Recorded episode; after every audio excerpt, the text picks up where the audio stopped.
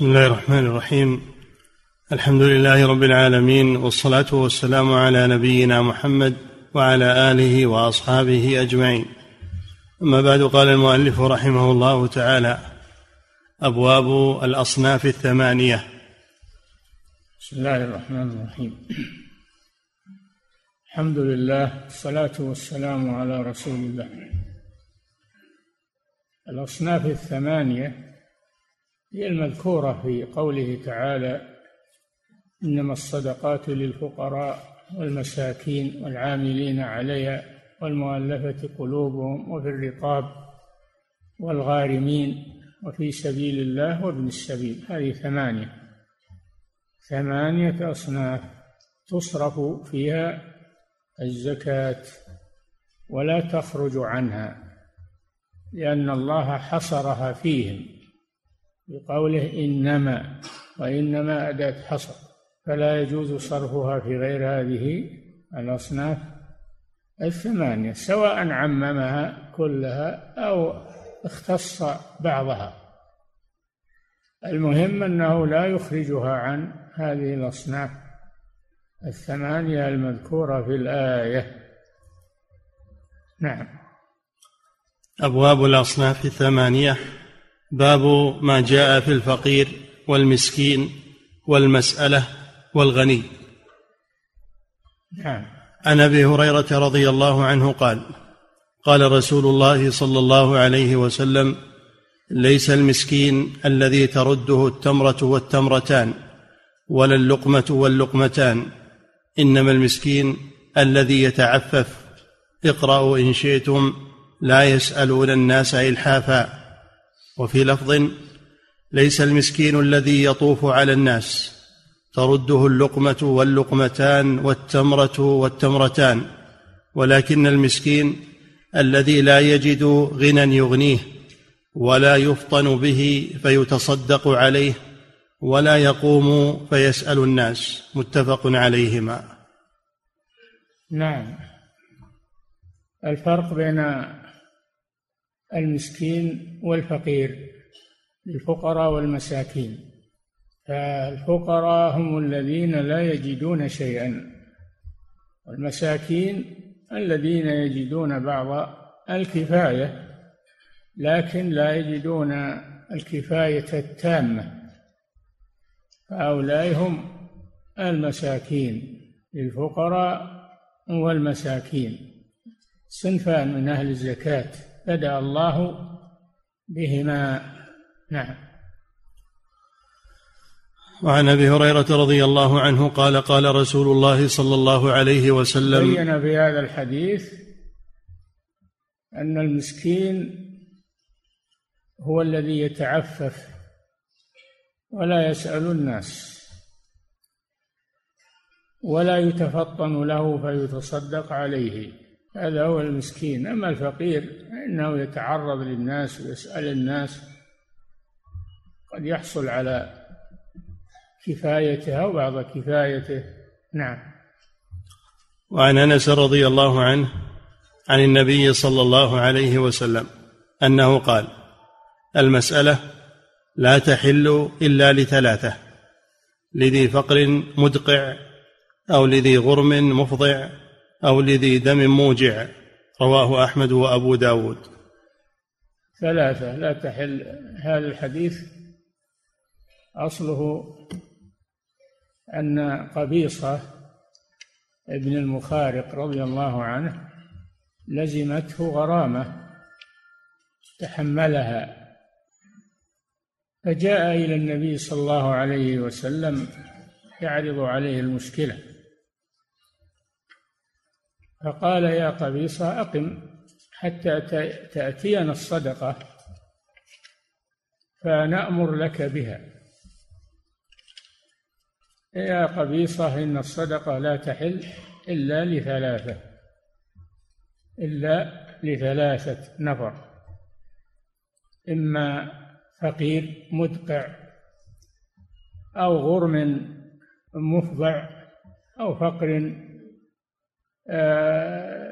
إما لثلاثة إما لذي فقر مدقع يعني شديد فيسأل الناس يتحل له المسألة أن يسأل الناس. أو نعم؟ غرم مفضع. ها؟ غرم مفضع. ها؟ غرم. غرم مفضع الغارمين غرم مفضع.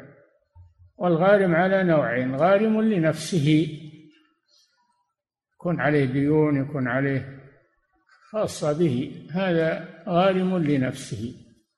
والثاني غارم لغيره وهو الذي يقوم بالإصلاح بين الناس ويتحمل غرامة يدفعها. فالأول لا يعطى إلا إذا كان فقيرا. وأما الثاني وهو الذي يتحمل فهذا يعطى. ولو كان غنيا لئلا يجحف ذلك في ماله تجحف الغرامة في ماله وهو مصلح مصلح بين الناس. نعم. أو لذي دم موجع. أو لذي دم موجع يعني لزمته دية. لزمته دية عمد. لأن دية الخطأ وشبه العمد هذه على العاقلة. لكن دية العمد على الجاني ولا تتحملها العاقلة. فقد إذا إذا كان فقيرا فإنه تحل له المسألة. نعم. المسألة لا تحل إلا لثلاثة لذي فقر مدقع أو لذي غرم مفضع أو لذي دم موجع رواه أحمد وأبو داود. وفيه تنبيه على أن الغارم لا يأخذ مع الغنى. فيه يعني الغارم الغارم لنفسه لا يأخذ مع الغنى. إنما الغارم لغيره هذا يأخذ مع الغنى. لأنه لأنه مصلح بين الناس فلا يترك يتحمل الغرامة وحده بل يساعد عليها. أما الغارم لنفسه هذا لا يأخذ إلا إذا كان فقيرا. يعجز عن سداد دينه. نعم. وعن عبد الله بن عمرو رضي الله عنهما قال قال رسول الله صلى الله عليه وسلم لا تحل الصدقة لغني ولا لذي مرة سوي. رواه الخمسة إلا ابن ماجة والنسائي لكنه لهما من حديث أبي هريرة ولأحمد الحديثان. نعم. لا تحل الصدقة لذي مر... لا لغني ولا لذي مرة سوي. الغني هذا مفروغ منه ما تحل له الزكاة. إنما تحل للفقراء وهذا غني. لا تحل له الزكاة. ولا لذي مرة سوي. ذي مرة يعني يعني قوي في بدنه يقدر على الاكتساب. وهناك فرص للاكتساب. فإذا كان قويا في بدنه يقدر على الاكتساب. وهناك فرص للعمل. هذا لا تحل له الزكاة لأنه غني بالقوة. وهذا يدل على أن الإسلام على أن الإسلام يحث على العمل والاكتساب ولا يهمل الأقوياء الذين يقدرون على الاكتساب فيعطون من الزكاة فيتركون العمل ويعطلون العمل. هذا لا يصلح لذي مرة سوي يعني ذي قوة. المرة هي القوة. سوي في بدنه. وهناك أعمال يعني مجال للكسب والحرفة. هذا لا تحل له الزكاة يحترف ويسد حاجته لأنه غني بقوته على الكسب بذي مرة والمرة هي القوة. كقوله جل وعلا في جبريل علمه شديد القوى ذو مرة يعني ذي قوة. جبريل قوي عليه الصلاة والسلام. نعم. وعن عبيد الله بن عدي بن الخيار أن رجلين أخبراه أنهما أتيا النبي صلى الله عليه وسلم. وعن وعن عبيد الله بن ابن عدي بن الخيار. نعم. أن رجلين أخبراه أنهما أتيا النبي صلى الله عليه وسلم يسألانه من الصدقة فقلب فيهما البصر ورآهما جلدين فقال جلدين يعني قويين نعم. ورآهما جلدين فقال إن شئتما أعطيتكما ولا حظ فيها لغني ولا لقوي مكتسب. نعم لا حظ فيها لغني. رآهما جلدين يعني يقدران على الكسب. يقدران على الكسب. فنصحهما صلى الله عليه وسلم. قال إن شئتما أعطيتكما ولا تحل لغني ولا لمرة سوي. يعني يقدر على الكسب. نعم. ولا حظ فيها لغني ولا لقوي مكتسب رواه أحمد وأبو داود والنسائي. لو كان قويا وليس هناك مجال للعمل والحرفة يعطى. لكن إذا كان هو قوي يقدر على العمل والاحتراف هناك مجال للكسب فإنه لا يعطى من الزكاة. بل إن النبي صلى الله عليه وسلم قال لأن يأخذ أحدكم حبله فيذهب إلى الجبل فيأتي بحزمة حطب فيبيعها. يكف الله بها وجهه خير له من أن يسأل الناس. أعطوه ومنعوه. يقدر على الكسب ما يسأل وإنما يحترف ويكتسب. لا تحل له المسألة. نعم. رواه أحمد وأبو داود والنسائي وقال أحمد هذا أجودها إسنادا. نعم. وعن الحسن بن علي قال قال رسول الله صلى الله عليه وسلم للسائل حق وإن جاء على فرس. رواه أحمد وأبو داود. للسائل حق وإن جاء على فرس يعني وإن كان مظهره مظهر غني. فالسائل له حق في أموالهم حق معلوم للسائل. والمحروم. قال جل وعلا وأما السائل فلا تنهر. السائل له حق يعطى ولو كان مظهره الغنى جاء على فرس. نعم يركب فرسا. نعم. للسائل حق وإن جاء على فرس رواه أحمد وأبو داود وهو حجة في قبول قول السائل من غير تحليف. من غير تحليف لا يحلف إنه فقير بل يبنى على ظاهر حاله ويعطى عن سؤاله إلا إذا علمت أنه كذاب. لأن بعض الناس يتخذ الحرفة يتخذ المسألة حرفة ولا يكتسب وقد يسأل وهو غني يسأل وهو غني يبتلى يعاقب إذا سأل عن غير حاجة يعاقب فيستمر على السؤال من غير حاجة. وهذا عليه وعيد شديد كما يأتي. نعم. وهو حجة في قبول قول السائل من غير تحليف وإحسان الظن به. إحسان الظن به ما لم يعلم أنه كذاب أو محتال فلا يعطى. نعم. وعن أبي سعيد رضي الله عنه قال قال رسول الله صلى الله عليه وسلم من سأل وله قيمة أوقية فقد ألحف. رواه أحمد وأبو داود والنسائي. نعم وله يعني شيء من المال وله قدر أوقية. قدر أوقية من المال. فهذا لا يحل له السؤال لأن عنده شيء. نعم من من سأل وله قيمة أوقية فقد ألحف يعني له من المال ما يعادل أوقية والأوقية 12 درهم درهم إسلامي. الأوقية 12 درهم إسلامي. فقد ألحف. هذا أخذا من قوله لا يسألون الناس إلحافا. لا يسألون الناس إلحافا. فليسأل الناس إلحافا هذا مذموم. نعم. من سأل وله قيمة أوقية فقد ألحف رواه أحمد وأبو داود والنسائي.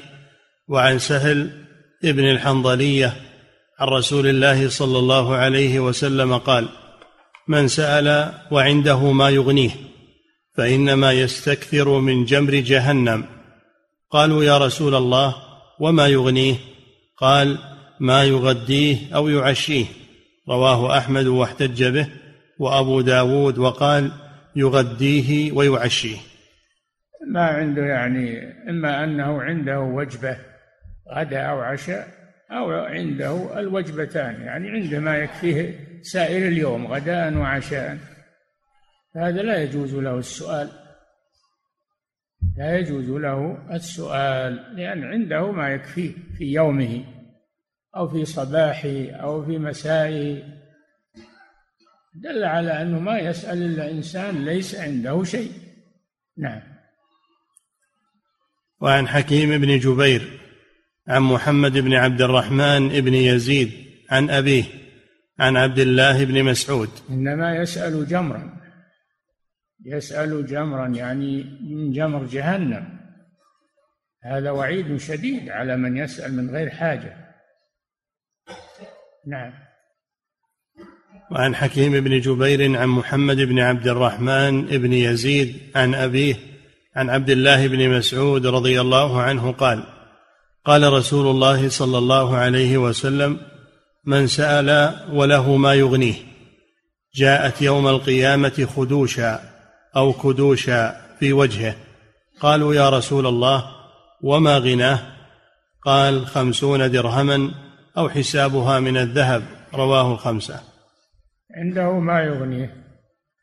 وبين ذلك بأن يكون عنده مقدار خمسين من الفضة أو, ما يعادلها من الذهب. فلا يجوز له أن يسأل لأنه ليس بحاجة. تكون مسألة يوم القيامة في وجهه خدوشا أو خموشا يعني تكون جروحا في وجهه والعياذ بالله يوم القيامة. نعم. من سأل وله ما يغنيه جاءت يوم القيامة خدوشا أو كدوشا في وجهه. قالوا يا رسول الله وما غناه؟ قال خمسون درهما أو حسابها من الذهب. رواه الخمسة. وزاد أبو داود وابن ماجه والترمذي. فقال رجل لسفيان إن شعبة لا يحدث عن حكيم بن جبير. فقال سفيان حدثناه زبيد عن محمد بن عبد الرحمن بن يزيد. يعني رويناه من غير طريق هذا الرجل. نعم. وعن سمرة رضي الله عنه قال قال رسول الله صلى الله عليه وسلم إن المسألة كد يكد بها الرجل وجهه إلا أن يسأل الرجل سلطانا أو في أمر لا بد منه. رواه أبو داود والنسائي والترمذي وصححه. نعم المسألة كد يكد به الإنسان نفسه في وجهه. يعني تظهر آثار المسألة في وجهه يعرف بها يوم القيامة تعذيبا له. هذا فيه التحذير من المسألة من غير ضرورة أو من غير حاجة على الأقل. فيه التحذير من المسألة.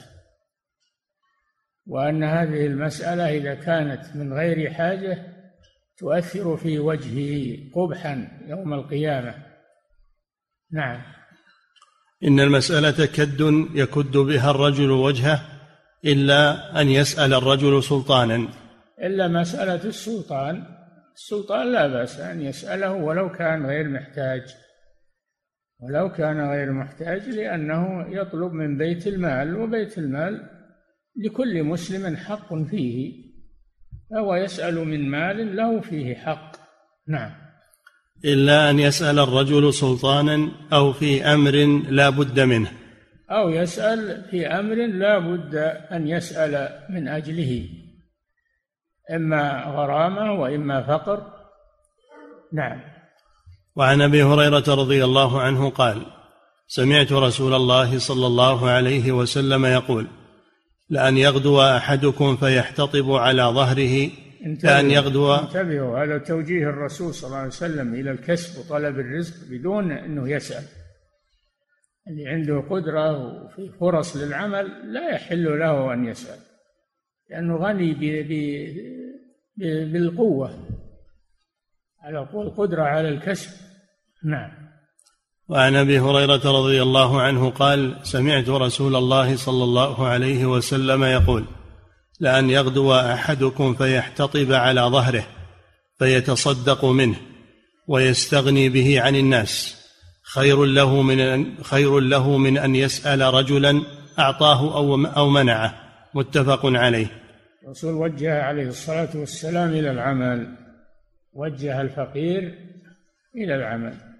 إذا كان عنده قدرة على العمل وهناك فرصة. حتى لو ذهب إلى الجبل واحتطب وحمله على ظهره أو على رأسه وباعه فاستغنى به عن سؤال الناس فإنه يجب عليه ذلك ولا يسأل الناس. دين الإسلام دين عزة وقوة ليس دين ذلة. نعم. لأن يغدو أحدكم فيحتطب على ظهره فيتصدق منه. يحتطب على ظهره ما معه دابة حتى شيل على ظهره ولا على راسه. نعم. فيحتطب على ظهره فيتصدق منه ويستغني به عن الناس. خير له من أن يسأل رجلا أعطاه أو منعه. متفق إيه. عليه. اي نعم لأن الرجل اما إما أن يعطيه ويصير هذا ذلة عليه وإما أن يمنعه ويكون أيضا هذا أشد ذلة عليه إذا رده آه، المسؤول يكون هذا أذل له. نعم. وعنه عن النبي صلى الله عليه وسلم قال من سأل الناس أموالهم تكثرا فإنما يسأل جمرا فليستقل أو ليستكثر. من يسأل الناس تكثرا يعني من غير حاجة. وإنما يريد أن يجمع المال أن يجمع المال الذي يتحصل عليه بالمسألة. إنما يسأل جمرا يعني من نار جهنم.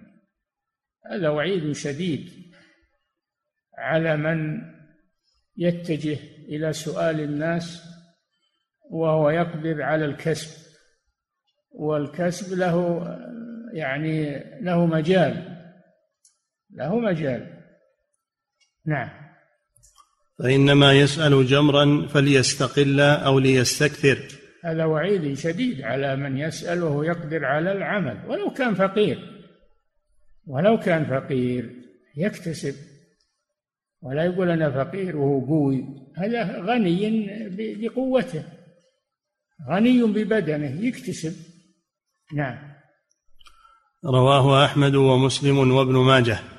وعن خالد بن عدي الجهني قال سمعت رسول الله صلى الله عليه وسلم يقول من بلغه معروف عن أخيه عن غير مسألة ولا إشراف نفس فليقبله ولا يرده فإنما هو رزق ساقه الله إليه. رواه أحمد. إذا جاء كمال من أحد من غير أن تسأله ومن غير أن تتطلع إليه فإنما هو رزق ساقه الله إليك. خذه.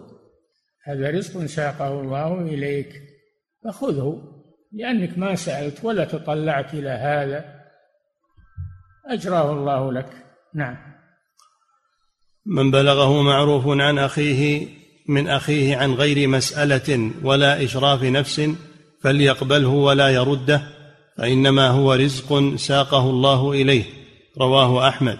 نعم. وعن ابن عمر رضي الله عنهما قال سمعت عمر يقول كان رسول الله صلى الله عليه وسلم يعطيني العطاء فأقول أعطه من هو أفقر إليه مني. نعم. وعن ابن عمر قال سمعت عمر يقول كان رسول الله صلى الله عليه وسلم يعطيني العطاء فأقول أعطه من هو أفقر إليه مني. لما كان عمر هو الخليفة رضي الله عنه كان يعطي ومن جملة من يعطيهم ابنه عبد الله عبد الله نعم. وعن ابن عمر قال سمعت عمر يقول كان رسول الله صلى الله عليه وسلم يعطيني العطاء فأقول أعطه من هو أفقر إليه مني. العطاء يعني من بيت المال. العطاء من بيت المال. نعم. كان رسول الله صلى الله عليه وسلم يعطيني العطاء فأقول أعطه من هو أفقر إليه مني. فقال خذه إذا جاءك من هذا المال شيء وأنت غير مشرف ولا سائل فخذه وما لا فلا تتبعه نفسك. متفق عليه. ما جاءك من هذا المال سواء من بيت المال أو من غيره من من الأفراد. وانت ما تطلعت إليه ولا سألته هذا رزق ساقه الله إليك فخذه. نعم. وما لا فلا تتبعه نفسك متفق عليه. وما لم يأتك من غير تطلع ولا مسألة. وما وما لم وما نعم وما أتاك من, من طريق المسألة أو التطلع إليه فلا تأخذه. نعم. فلا تتبعه نفسك. لا تتحرى الناس يعطونك أو ولي الأمر يعطيك. اطلب الرزق أنت واستغني عن آه، عن المال الذي في الذي في بيت مال المسلمين أو الذي عند الأغنياء والتجار. اطلب الرزق. نعم. باب العاملين عليها. من هم العاملون عليها؟ العاملون عليها اللي يخرجون لجباية الزكاة بتكليف ولي الأمر. الذين يجبون الزكاة بتكليف من ولي الأمر. وليس العاملين عليها اللي يجمعونها من غير تكليف من ولي الأمر. لأننا سمعنا أن هناك من من يذهبون إلى التجار ويجمعون لجمعيات جمعيات خيرية ويأخذون من المال الذي جمعوه يقولون نحن من العاملين عليها. العاملون عليها اللي يكلفهم ولي الأمر ولا يكلفهم غير ولي الأمر. نعم. باب العاملين عليها عن بسر بن سعيد أن ابن السعدي المالكي قال استعملني عمر على الصدقة. فلما فرغت منها وأديتها إليه أمر لي بعمالة. فقلت عمالة. أمر لي بعمالة. نعم يعني أجرة. نعم. فقلت إنما عملت لله. فقال خذ ما أعطيت فإني عملت على عهد رسول الله صلى الله عليه وسلم فعملني. فقلت مثل قولك. عملني يعني أعطاني. نعم. فعملني فقلت مثل قولك. فقال لي رسول الله صلى الله عليه وسلم إذا أعطيت شيئا من غير أن تسأل فكل وتصدق. متفق عليه. نعم إذا جاء كمال من سلطان أو من تاجر وأنت لم تطلبه ولم تتطلع إليه فخذه إنما هو رزق ساقه الله إليك فإن شئت أن تنفقه لنفسك وإن شئت أن تتصدق به. نعم. وفيه دليل على أن نصيب العامل يطيب له وإن نوى التبرع أو لم يكن مشروطا. يطيب له يعني يحل له وإن لم يكن مشروطا يوم يروح يمشي ما بين له العمالة. ما بينت له. ولو كان ذهب يريد أيضا وجه الله يريد الأجر وإذا أعطي شيئا يأخذه. نعم. وفيه دليل على أن نصيب العامل يطيب له وإن وإن والتبرع أو لم يكن مشروطا. نعم. وعن المطلب ابن ربيعة ابن الحارث ابن عبد المطلب أنه والفضل ابن عباس. انطلق إلى رسول الله صلى الله عليه وسلم. قال ثم تكلم أحدنا. فقال يا رسول الله جئناك لتؤمرنا على هذه الصدقات فنصيب ما يصيب الناس من المنفعة ونؤدي إليك ما يؤدي الناس. فقال إن الصدقة لا تنبغي لمحمد ولا لآل محمد إنما هي أوساخ الناس. وهؤلاء من, من آل محمد. هذان الشخصان من آل محمد. ولذلك لم يعملهم الرسول صلى الله عليه وسلم. نعم. نعم وعن, وعن؟ وعن المطلب ابن ربيعة ابن الحارث ابن عبد المطلب. إي نعم. ابن عم الرسول صلى الله عليه وسلم. نعم. أنه والفضل ابن عباس. الفضل بن عباس بن عبد المطلب. كلهم من آل عبد المطلب. نعم. انطلق إلى رسول الله صلى الله عليه وسلم قال ثم تكلم أحدنا فقال يا رسول الله جئناك لتؤمرنا على هذه الصدقات فنصيب ما يصيب الناس من المنفعة ونؤدي إليك ما يؤدي الناس. فقال إن الصدقة لا تنبغي لمحمد ولا لآل محمد إنما هي أوساخ الناس. مختص... نعم ولذلك الصدقة تحرم على الرسول صلى الله عليه وسلم وعلى أهل بيته وعلى أهل بيته لانها اوساخ أموال الناس. ولكن تحل له صلى الله عليه وسلم الهدية. كان يقبل الهدية ولا يأخذ الصدقة. نعم.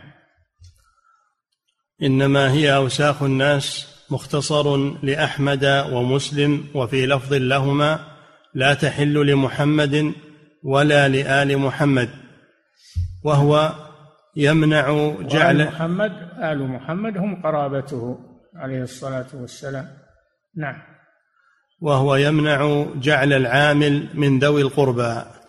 من ذوي القربى للرسول صلى الله عليه وسلم. ألا يكون العمال من قرابة الرسول صلى الله عليه وسلم. نعم. وعن أبي موسى رضي الله عنه قال قال رسول الله صلى الله عليه وسلم إن الخازن المسلم الأمين الذي يعطي ما أمر به كاملا موفرا طيبة بها نفسه موفرا. الذي يعطي ما أمر به كاملا موفرا طيبة بها نفسه حتى يدفعه إلى الذي أمر له به. أحد المتصدقين. متفق عليه. نعم. أحد أعد الحديث. وعن أبي موسى قال قال رسول الله صلى الله عليه وسلم إن الخازن المسلم الأمين الذي يعطي ما أمر به كاملا موفرا طيبة بها نفسه حتى يدفعه إلى الذي أمر له به أحد المتصدقين. متفق عليه. مشكول عندك.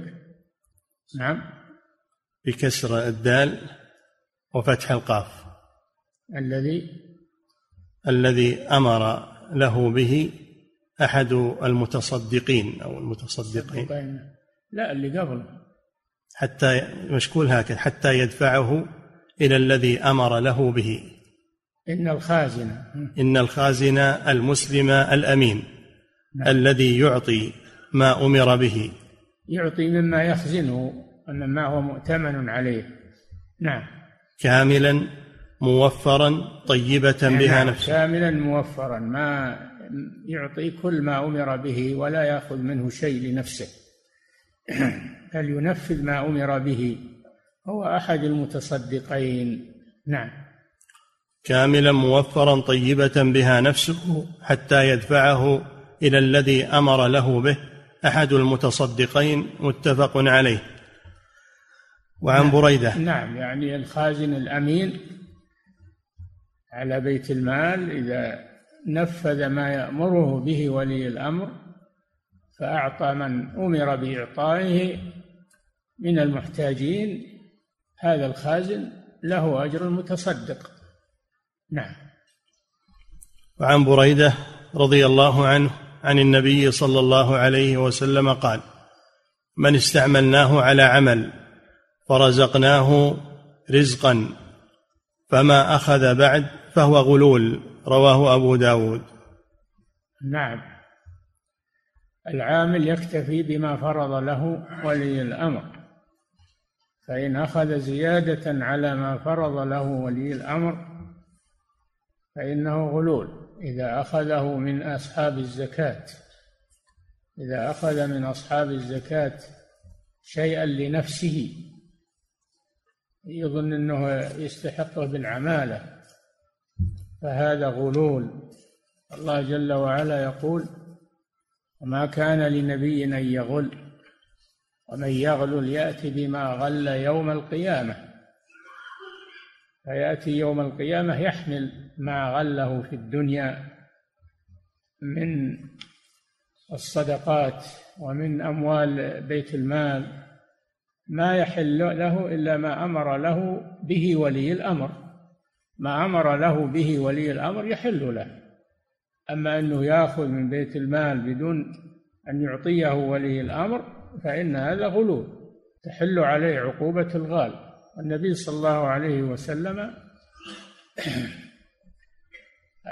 أبى أن يصلي على الغال. أبى أن يصلي على الغال لما مات. هذا من باب الوعيد والزجر. نعم. من استعملناه على عمل فرزقناه رزقا فما أخذ بعد؟ رزقناه رزقا يعني أعطيناه عمالته. نعم. ورزقناه رزقا فما أخذ بعد فهو غلول أخذ من الناس يعني من المزكين. نعم. فما أخذ بعد فهو غلول رواه أبو داود. نعم يعني عليه وعيد الغال. نعم.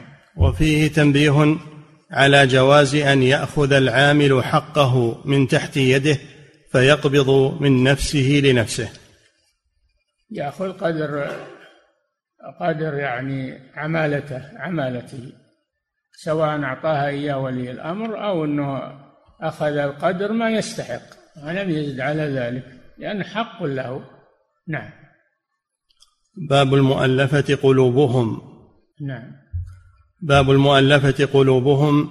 عن أنس.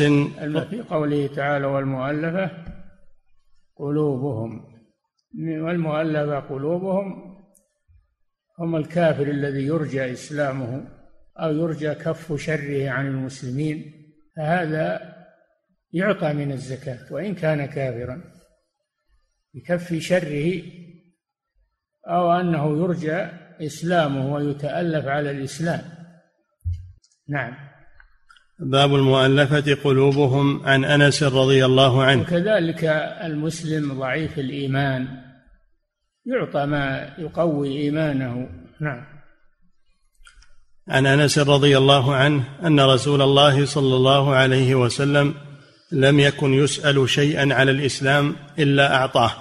قال هذا التاليف لم يكن يسأل شيئا على الإسلام يعني يسأله الذي يريد الإسلام أن يعطيه حتى يسلم إلا أعطاه. تاليفا لهذا على الإسلام. نعم والمؤلف ولكن هذا من خواص الإمام ترى. يعني بعض الناس آه، يقول أنا أعطي المؤلفة قلوبهم. ما هو من صلاحياتك هذا؟ مؤلفة قلوبهم إعطاء المؤلفة قلوبهم من صلاحيات ولي الأمر. نعم. وعن أنس رضي الله عنه أن رسول الله صلى الله عليه وسلم لم يكن يسأل شيئا على الإسلام إلا أعطاه. من باب التأليف يعني. نعم. قال فأتاه رجل فسأله فأمر له بشاء كثير بين جبلين من شاء الصدقة. قال فرجع يعني إلى يعني تملأ هذه الشياه تملأ ما بين الجبلين كثيرة أعطاها إياه لأجل أن يسلم. نعم. قال فرجع إلى قومه فقال يا قوم أسلموا. فإن محمدا يعطي عطاء من لا يخشى الفاقة. رواه أحمد بإسناد صحيح. أي هذا سبب أن الرسول أعطاه فذهب يدعو إلى الإسلام يقول أسلموا فإن محمدا يعطي. فهذا صار سبب خير. نعم. فإن محمدا يعطي عطاء من لا يخشى الفاقة. رواه أحمد بإسناد صحيح. نعم. وعن عمرو بن تغلب أن رسول الله صلى الله عليه وسلم أتي بمال أو سبي فقسمه فأعطى رجالا وترك رجالا فبلغه أن الذين ترك عتبوا. نعم اعطى في غزوة غزوة حنين أعطى ناسا من المؤلفة قلوبهم. حديث عهد بالإسلام. وترك رجالا من الأنصار ما أعطاهم من الأنصار. ما أعطاهم وكلهم على دينهم وعلى قوة إيمانهم. فكأنهم وجدوا على الرسول صلى الله عليه وسلم فالرسول أقنعهم. نعم وبين لهم حتى قنعوا ورضوا بذلك. نعم.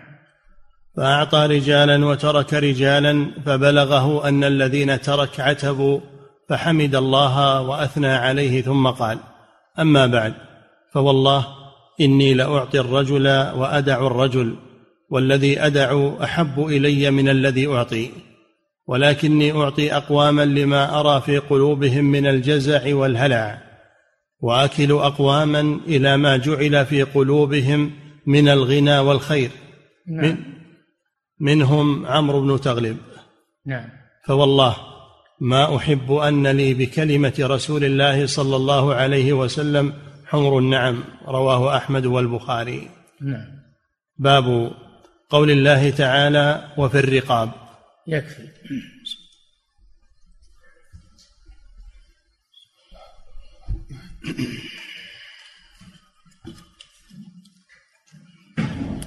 فضيلة الشيخ وفقكم الله يقول السائل ورد أن النبي صلى الله عليه وسلم تعوذ بالله من الفقر وورد أنه سأل الله فقال اللهم أحيني مسكينا. إيه المسكين أحسن حال من الفقير. مسكين عنده بعض الكفاية أو أكثر الكفاية. خلاف الفقير فإنه لا يجد شيئا. نعم. فضيلة الشيخ وفقكم الله ما الأفضل لطالب العلم؟ أن يأخذ من الزكاة ويتفرغ لطلب العلم أم أنه يعمل حتى يسد حاجته لأن رجلا طالب علم قد طلب مني أن أجمع له من الزكاة حتى لا ينشغل عن طلبه فهل يجوز ذلك؟ والله لا اللي يقدر على الكسب ما يأخذ من الزكاة وإن كان طالب علم يشتغل في وقت ويطلب العلم في وقت. نعم. فضيلة الشيخ وفقكم الله. ما حكم المسألة والسؤال في المساجد؟ يقول وإن شك الإمام في صدقه فهل يجوز له أن يمنعه؟ يقول ما حكم المسألة والسؤال في المسجد؟ وإن شك الإمام في صدق السائل فهل يجوز له أن يمنعه؟ والله يعني صارت المساجد صارت الآن مجال للسؤال وكثر هذا هذا ينبغي أنه يمنع. أما لو جاء قارئ بعض الأحيان وجاء يعني ما هو دائم هذا لا بأس. لكن أن تتخذ المساجد للسؤال ويشغل المصلين فهذه تطورت إلى ما لا تحمد عقباه. فلو منع لكان منعه أحسن. نعم. فضيلة الشيخ وفقكم الله.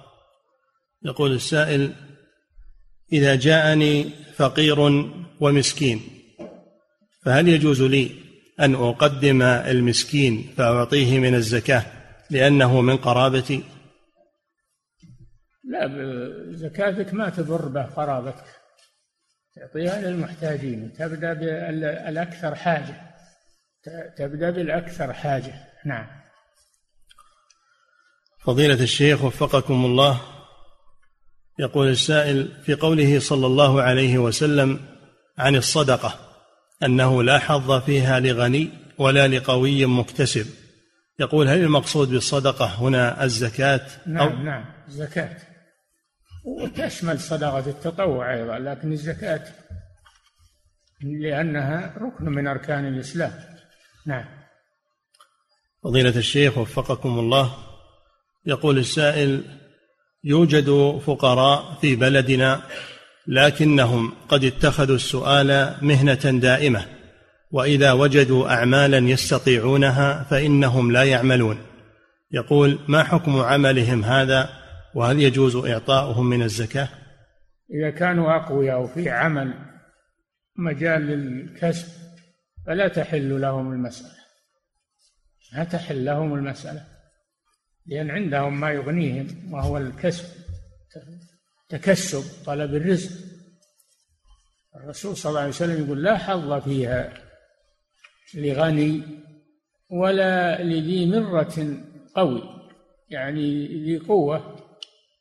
قادر على الكسب نعم. فضيلة الشيخ وفقكم الله يقول السائل هل يجوز صرف الزكاة في عمارة المسجد الذي لا يجد من يصرف عليه ويعمره؟ لا. الزكاة محصورة في المصارف الثمانية وليس منها عمارة المساجد ولا بناء المدارس ولا محصورة في الثمانية لا تخرج عنها. وأما بقية المشاريع الخيرية تمول من التبرعات. نعم. فضيلة الشيخ وفقكم الله. يقول السائل هل يجوز سؤال ولي الأمر مالا ولو كان السائل غنيا من باب الاستكثار؟ ما في بأس. لا بأس بذلك. نعم. فضيلة الشيخ وفقكم الله. يقول السائل هل يجب إعطاء السائل الذي يوجد عند الإشارات كالأطفال وغيرهم؟ هذا مثل غيرهم من السائلين إذا كان أنه أنهم من غير ذوي الحاجات أو أن هذا أمر صار مظهر سيء فللدولة أن تمنعه. لأنه يعني صار مظهر سيء الآن عند الإشارة ونساء يسألن عند الإشارات وخطر. فللدولة أن تمنع هذا. نعم. فضيلة الشيخ وفقكم الله يقول السائل يقول أعطاني أحد الأصدقاء مالا وقال هذا هذه زكاة ادفع بها الإيجار لمنزلك.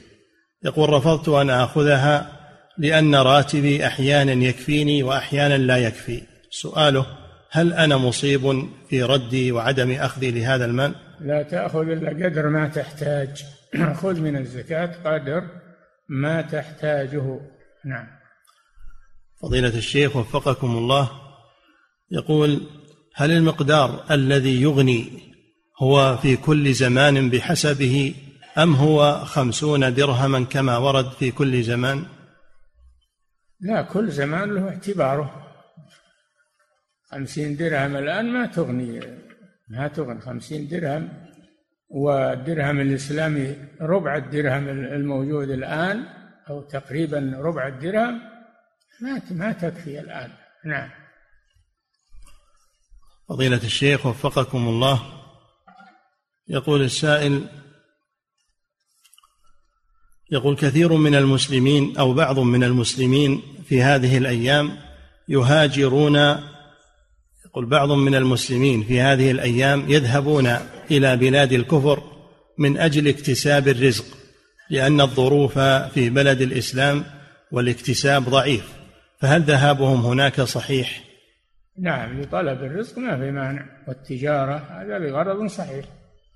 لطلب الرزق أو للتجارة لا بأس به.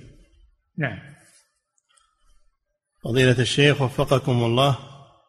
يقول إذا جاءني مال من غير تطلع ولا مسألة ولكنني أعرف أن مصدره من الزكاة فهل لي أن آخذه؟ لا تبحث خذه وإن يعني استغنيت عنه أو كرهته لنفسك تصدق به نعم فضيلة الشيخ وفقكم الله يقول بالنسبة للأوراق النقدية هل المعتبر في النصاب هو ما يتعلق بالذهب أو الفضة. لا ما يتعلق بالذهب الفضة. يتعلق بالفضة. الأوراق النقدية بديل عن النقود عن النقود الفضية. ما هي عن الذهب. نعم. فضيلة الشيخ وفقكم الله. يقول السائل هل الضمان الاجتماعي هو من أموال الزكاة؟ فلا يجوز أن يأخذ هل الضمان الاجتماعي هو من أموال الزكاة فلا يجوز أن يأخذه إلا من كان من الأصناف الثمانية. هذا النظام يأخذ بموجب النظام ما يخالف. إذا كان النظام يسمح له بهذا فلا بأس. نعم. فضيلة الشيخ وفقكم الله. هذا سائل من بلاد أوروبا يقول يقول أجمع الزكوات ثم أقوم بتوزيعها على الفقراء. فما المقدار الذي يجوز لي أن آخذه لأعتبر نفسي من العاملين عليها؟ لست من العاملين. العاملين هم اللي نصبهم ولي الأمر. أنت هل نصبك ولي الأمر؟ لا. نصب نفسك نعم. فضيلة الشيخ وفقكم الله يقول السائل رجل عنده ما يغديه ويعشيه. ولكنه احتاج بعض المال ليتم مشروعا تجاريا له. فسأل أخيه فسأل أخاه فهل في ذلك شيء؟ لا ما في شيء. كان سأل من باب القرض يبي يرد عليه ما في شيء. نعم. فضيلة الشيخ وفقكم الله. يقول السائل العاملون على توزيع زكاة الفطر. هل لهم أن يأخذوا منها إذا كانوا من أهل الحاجة ما لها عاملين. من زكاة الفطر ما لها عاملين. يدفعها صاحبها أو وكيله إلى إلى المحتاجين ليلة عيد الفطر. ما تحتاج إلى عاملين. كل مسلم فهو عامل آه، آه، لنفسه. يدفعها للمحتاجين أو يوكل من يدفعها. نعم. فضيلة الشيخ وفقكم كان النبي صلى الله عليه وسلم يدفع العمال يرسل العمال لجباية صدقة الفطر. ما كان ولا الخلفاء الراشدون. نعم.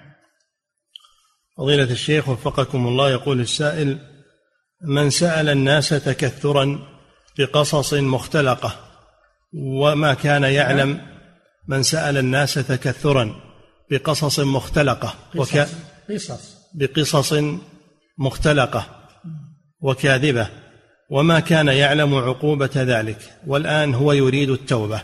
فماذا يصنع بهذا المال الذي قد تحصل عليه؟ به. تخلص منه بتوزيعه على المحتاجين. تخلص منه بتوزيعه على المحتاجين. نعم. فضيلة الشيخ وفقكم الله يقول هل صحيح أن عمر بن الخطاب رضي الله عنه وأرضاه قد أسقط حق المؤلفه قلوبهم من الزكاة ولم صنع هذا إن صح؟ لما قوي الإسلام لما نعم صحيح لكن لما قوي الإسلام صار ما هو بحاجة إلى التأليف. نعم. فضيلة الشيخ وفقكم الله يقول السائل هل تعتبر الجمعيات الإسلامية المشرفة على المساجد في بلاد الكفر هل تعتبر من قبل العاملين عليها فيجوز لهم أن يأخذوا شيئا من الزكاة؟ يا أخي الزكاة ما تحط في المساجد. ما يجوز صرفها للمساجد. تعطى للفقراء والمساكين والأصناف الثمانية. نعم. ولا يجوز للإنسان إنه يكون من العاملين عليها والسلطان ما ما كلفه بهذا هو اللي يكلف نفسه. أو كلف رئيس الجمعية لا. أو المركز الإسلامي لا. لازم كلف ولي الأمر. نعم. فضيلة الشيخ وفقكم الله يقول هل الغلول هو كل ما يأخذه الموظف بعد زيادة على راتبه؟ الغلول ما أخذ من بيت المال بغير حق. ما أخذ من بيت المال بغير حق. هذا من الغلول. هذا من الغلول. يدخل في لأن الغلول ليس خاصا بالمغانم بل حتى بيت المال اللي يأخذ منه قبل ومن غير أن ولي الأمر يعطيه هذا الشيء يكون من الغلول هذا. نعم. فضيلة الشيخ وفقكم الله يقول شخص ذو صحة جيدة ولكنه لم يجد عملا مناسبا يقتات منه فهل يحق له أن يسأل؟ نعم إذا كان أنه ما وجد عمل ومحتاج يأخذ قدر ما يسد حاجته نعم فضيلة الشيخ وفقكم الله بقوله صلى الله عليه وسلم إن الخازن المسلم الأمين يقول هل هذا في الزكاة فقط أم أنه يشمل كل خازن ومسؤول عن شيء؟ كل كل ما هو مؤتمن على مال عام للمسلمين. كل ما من هو مؤتمن على مال عام للمسلمين. نعم. فضيلة الشيخ وفقكم الله يقول السائل يقول عمتي امرأة مطلقة وليس لها أولاد. هل يجوز لي أن أعطيها من الزكاة؟ كانت فقيرة الصدقة على القريب عن عن صدقتين. صدقة وصلة. إذا كانت عمتك فقيرة فأعطها نعم. فضيلة الشيخ وفقكم الله. يقول السائل إذا أفتى مجتهد بفتوى ثم بعد ذلك أفتى بخلافها هل تعتبر هذه الأخيرة تراجعا عن القول الأول؟ أولا هل المفتي هذا من من أهل الاجتهاد تتوفر فيه شروط الاجتهاد؟ مثل الإمام أحمد والإمام مالك والأئمة أو هو طالب علم. هذا ما هو مجتهد. طالب العلم ما هو مجتهد مقلد. هذا مقلد. ينجي يعرف الإنسان قدر نفسه الآن. يعرف قدر نفسه أنه ما وصل إلى مرتبة الاجتهاد. نعم. فضيلة الشيخ وفقكم الله هذا سائل يقول إن زوجته امرأة غير عربية. يقول إذا حصل خلاف بيننا فإنها تقوم بفتح الإنترنت وتبحث عن فتوى لعلماء السنة المترجمة في مسألتنا التي اختلفنا فيها ثم تنقل هذا الكلام. وتنقل هذه المسألة فهل فعلها صواب؟ ما عندكم علماء تسألون اسألوا العلماء لا تروحوا للانترنت اسألوا العلماء الموجودين. نعم. فضيلة الشيخ وفقكم الله هذا يسأل فيقول إن زوجته كثيرا ما تكفر العشير. يقول إذا ذكرتها بالنعم التي كنت أقوم بها لها فهل يعد هذا من المن المحرم؟ لا هذا من النصيحة والموعظة. نعم. فضيلة الشيخ وفقكم الله. يقول السائل يقول ما حكم الذهاب إلى الحدائق العامة التي تكون مخصصة للعوائل فيجلس المرء بعائلته على حدة؟ وقد يكون هناك بعض المنكرات ككشف النساء لوجوههن. الأمكنة اللي فيها منكرات لا تذهب إليها. لا تذهب إلى أمكنة فيها منكرات. نعم. إلا إن كان تقدر على إنكار المنكر. نعم. فضيلة الشيخ وفقكم الله. يقول السائل يقول ما حكم استعمال ما يسمى بالعادة السرية؟ وإذا خاف الإنسان على نفسه من الزنا فهل يجوز له ذلك؟ لا ما يجوز له ذلك. الرسول صلى الله عليه وسلم يقول من لم يا معشر الشباب من استطاع منكم الباءة يعني الزواج فليتزوج. ومن لم يستطع فعليه بالصوم فإنه له وجاء يصوم حتى تضعف شهوته. نعم. فضيلة الشيخ وفقكم الله. العادة السرية فهي حرام.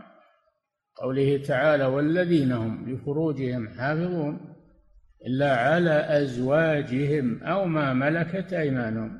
ما أباح الله تفريغ هذه الشهوة إلا بالزوجة أو بملك اليمين. ومن ابتغى وراء ذلك يعني غير ذلك فأولئك هم العادون. نعم. فضيلة الشيخ وفقكم الله هذا سائل من بريطانيا يقول التحقت أنا وعائلتي بحملة لأداء شعيرة العمرة. يقول سنصل إلى جدة ثم نتوجه إلى المدينة. نعم. يقول التحقت أنا وعائلتي بحملة لأداء شعيرة العمرة وسنصل إلى جدة ثم جايين؟ من بريطانيا. أي يقول سنصل إلى جدة ثم نتوجه أولا إلى المدينة. إيه؟ وبعد خمسة أيام نتوجه إلى مكة. سؤاله من أين نحرم؟ نحرم من ميقات المدينة نبيار علي. نعم. فضيلة الشيخ وفقكم الله. يقول السائل هل موافقة الإمام في التسليم جائزة؟ لا. يسلم بعد الإمام ما يوافقه. وإنما يسلم بعده لأن أفعال المأموم تكون بعد فعل الإمام. لا قبله ولا معه. نعم. فضيلة الشيخ وفقكم الله هذه امرأة تسأل فتقول إنها تعمل تشقيرا للحواجب عن طريق الليزر وهذا التشقير إنما هو يقول تحويل الأسود إلى أشقر وليس هناك نتف ولا نمص فما حكم ذلك؟ حكم ذلك أنه حرام ولا يجوز لها تغيير خلق الله. ما يجوز لها هذا. وتغيير خلق الله ليس مقصورا على على النتف أو على القص بل تغيير اللون إلى غير حقيقته إلى لون غير حقيقته. لم يرد إلا تغيير الشيب بغير السواد. غير الشيب بغير السواد. هذا اللي يغير وأما غيره لا ما يجوز. نعم. فضيلة الشيخ وفقكم الله هذا سائل يقول يقول إمام مسجدنا يقرأ عند قراءته لسورة الفاتحة فإنه يقرأ غير المغضوب عليهم ولا الضالين ينطق حرف الضاء بالضاد. قد, قد نصحناه ولم يستجب. لا تشددون مخرج الضاد والضاء واحد لا تتشددون بهذا؟ نعم. فضيلة الشيخ وفقكم الله. هذا أيضا يقول يقول خطيب الجمعة في مسجدنا عندما ينتهي من الخطبة الثانية أو في نهايتها يبدأ بتلحين الدعاء كأنه يقرأ القرآن. فهل فعله هذا صحيح؟ أي نعم. ما يخالف إن شاء الله. طيب. نعم. فضيلة الشيخ وفقكم الله. يقول السائل إذا احتاجت المرأة أن تغتسل في غير بيت زوجها كبيت صديقتها مثلا فهل يجوز لها ذلك؟ لا يجوز لها ذلك تذهب إلى بيتها أو تغتسل. نعم. فضيلة الشيخ وفقكم الله يقول السائل دعاء الاستخارة هل هو بعد السلام أو قبله؟ دعاء الاستخارة بعد السلام من صلاة الركعتين. نعم. فضيلة الشيخ وفقكم الله. يقول في قول رسول الله صلى الله عليه وسلم لعن الله المصورين وقوله كل مصور في النار والأحاديث في التصوير. يقول هل هذا شامل لجميع أنواع التصوير أو هو خاص بما كان في زمنه عليه الصلاة والسلام من النحت وغير ذلك؟ يعني كل الشرائع أجل تختص بزمنه. من يقول هذا؟ حديث الرسول عامة لكل زمان ومكان إلى أن تقوم الساعة والتصوير ملعون من صور سواء بالآلة الفوتوغرافية أو بالنحت أو بالرسم باليد لذوات الأرواح. هذا هو التصوير وتجب عليه اللعنة. إلا للضرورة تصوير للضرورة التصوير في الحوادث لضبط الأمن أو التصوير في آه، بطاقة الشخصية أو لجواز السفر لضبط الأمن كذلك هذا للضرورة يجوز. إلا ما اضطررتم إليه. نعم. فضيلة الشيخ وفقكم الله يقول السائل القيام للصلاة. يقول عند إقامتها. هل هو عند قول قد قامت الصلاة أو أن الأمر واسع؟ الأمر واسع في هذا لكن بعض الفقهاء يقول يقوم عند قول المؤذن قد قامت الصلاة ولو قام قبل ذلك لا بأس. نعم. فضيلة الشيخ وفقكم الله يقول السائل أعمل محاسبا في إحدى الشركات ويأمرني مديري أن أدفع الرشوة لمدير المشروع هناك ليسهل لنا العمل. سؤاله هل يجوز لي طاعته في ذلك؟ وهل يجوز لي أن أستمر في الشركة؟